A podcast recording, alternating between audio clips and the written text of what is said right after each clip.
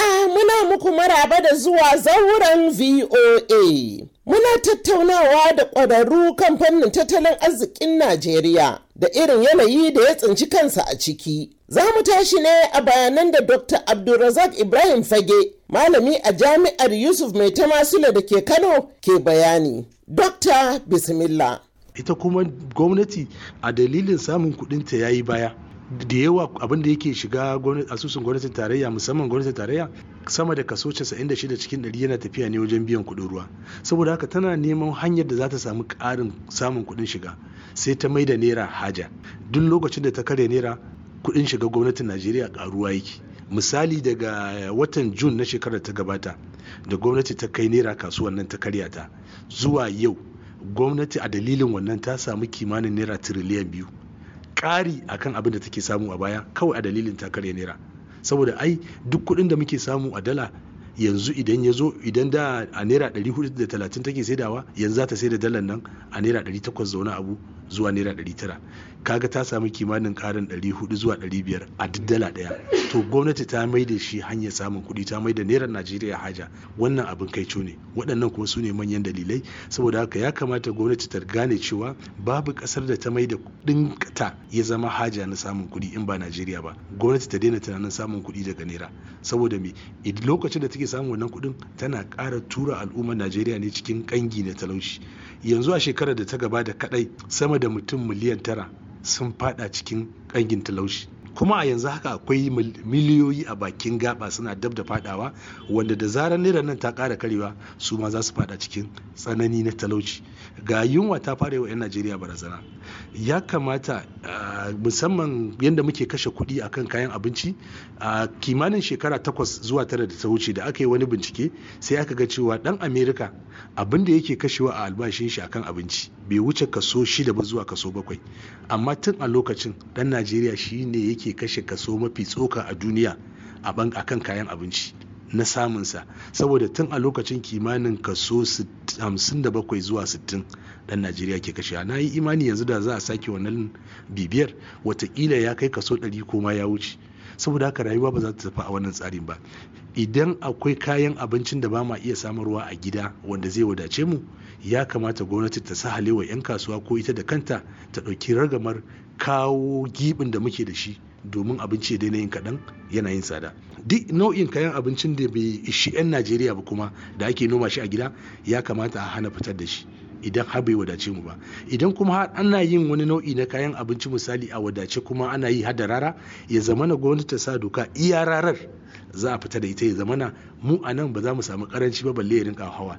Idan aka ɗau irin wa'annan matakan za mu ga ragowar hauhawar farashi na kayan abinci kayan abincin zai sauƙi sannan kuma a ƙara inganta bincike na yadda za a haɓaka wannan kayan abinci misali yanzu a najeriya idan za mu yi alkama a duk hekta ɗaya abin da muke samarwa bai wuce ton ɗaya ba na alkama. Amma idan ka je egypt a duk hekta ɗaya suna samar da sama da ton shida cikin ɗari. A sama da ton shida a duk hekta ɗaya shinkafa abin da muke samarwa bai wuce ton biyu da dugo bakwai ba a duk hekta ɗaya amma in ka je egypt suna samar da ton takwas zuwa ton tara a duk hekta ɗaya wannan ya samu ne saboda mai suna bincike suna inganta harkar noman. Najeriya ba ma wannan bincike yadda za mu inganta. Za a fitar da kuɗin amma ba za a yi ba saboda ana yi da mun ga yadda kayan za su rinka haɓaka wajen sarrafawa to amma ba sa haɓaka. Wannan ya nuna duk kuɗin da ake fitarwa ba da gaske ake ba a wannan binciken. Saboda haka wannan su ne kusan hanyoyin da ya kamata a bi sannan kuma gwamnati ta daina tunanin kawai samun kuɗi kai tsaye na karya naira da makamantansu. A'a ta yi tunanin yadda za ta sauko da darajar a inganta darajar naira kuma ta sauko da darajar a kuɗin ruwa. Tsadar kuɗin ruwa ta yi yawa a najeriya kuma ba zai sauko ba sai ta rage ciwo ba su suka ko ta dakata da ciwo ba su suka a cikin kasafin kuɗi. In aka daina ciwo ba su suka a kasafin kuɗi kuɗin ruwa ya yi ƙasa in najeriya da dama za su iya zuwa bankuna su karɓi bashi su je su aiwatar da harkoki na tattalin arziki. Wannan zai taimaka wajen samun ayyuka haɓaka kuɗin shiga na al'umma da inganta rayuwar al'umma. Ita kuma gwamnati a gefe guda za ta rinka samun haraji yana shigo mata daga wannan samun kuɗi na al'umma da na masana'antu. Sai ta haƙura da samun kuɗin da take a yanzu daga naira. Nan da shekara ɗaya biyu za ta iya samun arziki daga hannun al'ummata ba sai ta hannun naira ba. Na san cewa 'yan siyasa suna ganin shekarar su huɗu kawai suke da ita kamar ba za su iya haƙurin shekara biyu zuwa uku ba kar su samu matsala wajen zaɓe. Amma da za a samu wanda zai haƙuri ya gwada musamman yanzu sabuwar gwamnati ce a gwada wannan tsarin su daina ciwo basin su ba wa al'umma dama yadda za su haɓaka tattalin arzikin. Kafin lokacin zaɓe abubuwa za su canja sosai kuma wannan kaɗai zai iya ba wa al'ummar daman su zaɓi gwamnati ba wai sai ka ciyo bashi ka zo ka yi titi ka yi gada da makamantansu ba kuma ka sa al'umma cikin talauci ba shine wannan zai sa al'umma su zaɓe ka ba. Da fatan mahukunta za su yi gyare-gyaren da ya kamata. Malami na gaba bismillah. Assalamu alaikum. Sunana buhari gumel daga nan lagos nigeria. Eh, magana akan tattalin arzikin ƙasa. Gaskiya tattalin arzikin ƙasar najeriya ya samu matsala sosai. Tun da ma ake ba a taɓa samun karyewa tattalin arzikin najeriya ba irin wannan lokacin. Yanzu ka duba yadda ƙasar take ciki da 'yan kasuwa da ma'aikatan gwamnati kowa yana cikin wani hali. Kowa yana cikin wani hali na ha'ula yana kakana kayi rayuwa ta yi tsada komai ya canja. Yanzu magana da ake yi yanzu ma'aikata ba ta iya zagoron aiki complete five days ba zai yi ba. Saboda idan kai ka kula da abin da za ka karɓa a wata da transfer da za ka yi ka je gurin aiki in kai haka abin ba zai yi ba. Ba a iya biya kuɗin makaranta. Yara da yawa suna na a gida a zaune ba sa zuwa makaranta saboda abin ba zai yi ba. Yan kasuwa rayuwa ta yi tsada. Kayan da ake sayar a samu riba yanzu abin baya yi ba a samu. A cikin kaso kusan goma da kake samu na riba yanzu bai fi ka samu kaso biyu ba. To za a kai rayuwa a ciki? To kawai ni shawar da nake ba mutane 'yan kasa dole a rage bukatu a rage rayuwa a rage abubuwa da yawa. Saboda duk wani expense na rayuwa da ake yanzu wanda yake bai zama dole ba sai a haƙura da shi. Saboda hannun da ake ci ita kuma gwamnati babban matsalar da aka samu guda ɗaya ne. Saboda shi rage wannan tallafin da aka yi mutane ana ganin cewa rage tallafin nan zai kawo sauƙi a ƙasa. To wallahi tallahi ba sauƙi aka samu ba. An samu matsi na rayuwa da hannun kunci na rayuwa a cikinsa.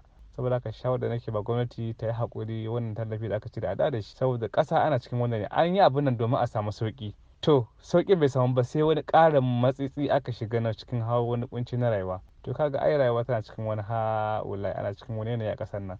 Saboda yanzu in ka duba mutanen da suke cin abinci sau uku yanzu ba sa iya cin abinci sau uku.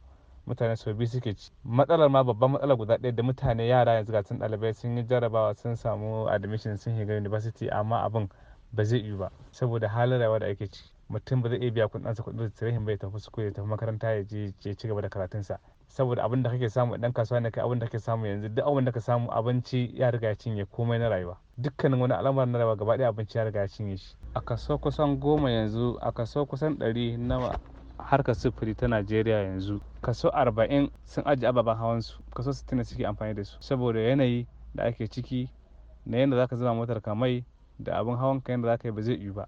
Saboda kana magana abinci ne yanzu. Yanzu magana abin da ake an ajiye kuma magana abinci ake yi. Ba maganar wani wani harkar harkar sifiri ko wani abu yanzu magana abinci ake yi. Ka samu kai da yaranka ku samu ku ci abinci sau uku a rana. Shi ake magana wallahi. Da yawa mutane ba su iya cin abinci sau uku. Wani sau biyu zai iya ci ya yi ƙoƙari ya ci sau wani sau ɗaya ma zai ci wallahi wallahi alazim. Wani ya ci abinci sau ɗaya ba zai ƙara ci ba. Shikenan to wannan ƙasa za a yi wacce irin ƙasa ce wannan muke ciki? Wacce irin gwamnati ce wannan da ba a tausayin talaka a ciki? Mutane ana cikin wani hali harkar asibiti ta riga ta zama tsada. Komai ka je yanzu magana asibiti babu abin da aka samu sauƙi a cikin sa babu wani harkar da abin da talaka yake jin daɗi a cikin ƙasar nan babu shi. Babu wani abin da talaka yake samun sassauci a cikin sa babu shi. Saboda haka ya kamata gwamnati duba cikin halin da ake ciki a tausaya talakan ƙasar nan a tausaya mana a duba halin da muke ciki a duba a samu sassauci a cikin al'amuran rayuwar nan. A samu sassauci a cikin al'amuran rayuwar nan a samu sassauci a ciki ya kamata gwamnati duba. Shi shugaban ƙasa ya haƙuri shiga cikin lamarin ya duba cikin talakawansa suna cikin wani hali ba a cikin wani hali a ƙasar nan. Yanzu magana da ake magana tattalin arzikin nan yanzu nan da shekara biyu ma wallahi al'azim nan da shekara biyu halin da ake ciki halin da ake ciki a yanzu nan shekara biyu sai ya linka sai ya linka sau sai ya linka wajen sau nawa. Nan da shekara biyu idan gwamnati ba ta yi wani abu akan wani abun ba. Two years masu zuwa halin da ƙasar za su cika Najeriya sai dai kawai Allah da ya gyara. Saboda haka muna kira gwamnati ta shiga cikin wannan lamari ta duba da idan basira. A masana ta sanin tattalin arzikin kasa su ba da shawarwari yadda za a magance wannan matsalar da ake ciki. Amma in ba haka ba akwai matsala cikin ƙasar nan Allah da ya sauka Allah kamar fita. Muna godiya kwarai-kwarai da gaske. Da bayanan buhari gumel za mu dakata a yau. Sai makon gobe za mu ci gaba da shirin. Inda mahalarta zauren ke tattaunawa kan halin tattalin arzikin najeriya. A madadin daukacin ma'aikatan sashen hausa na muryar amurka da baban gida jibril wanda ya haɗa shirin daga Legas, da solomon abu wanda ya daidaita sautin shirin madina dauda ce ke sallama da ku daga nan birnin tarayya abuja. Ku huta lafiya.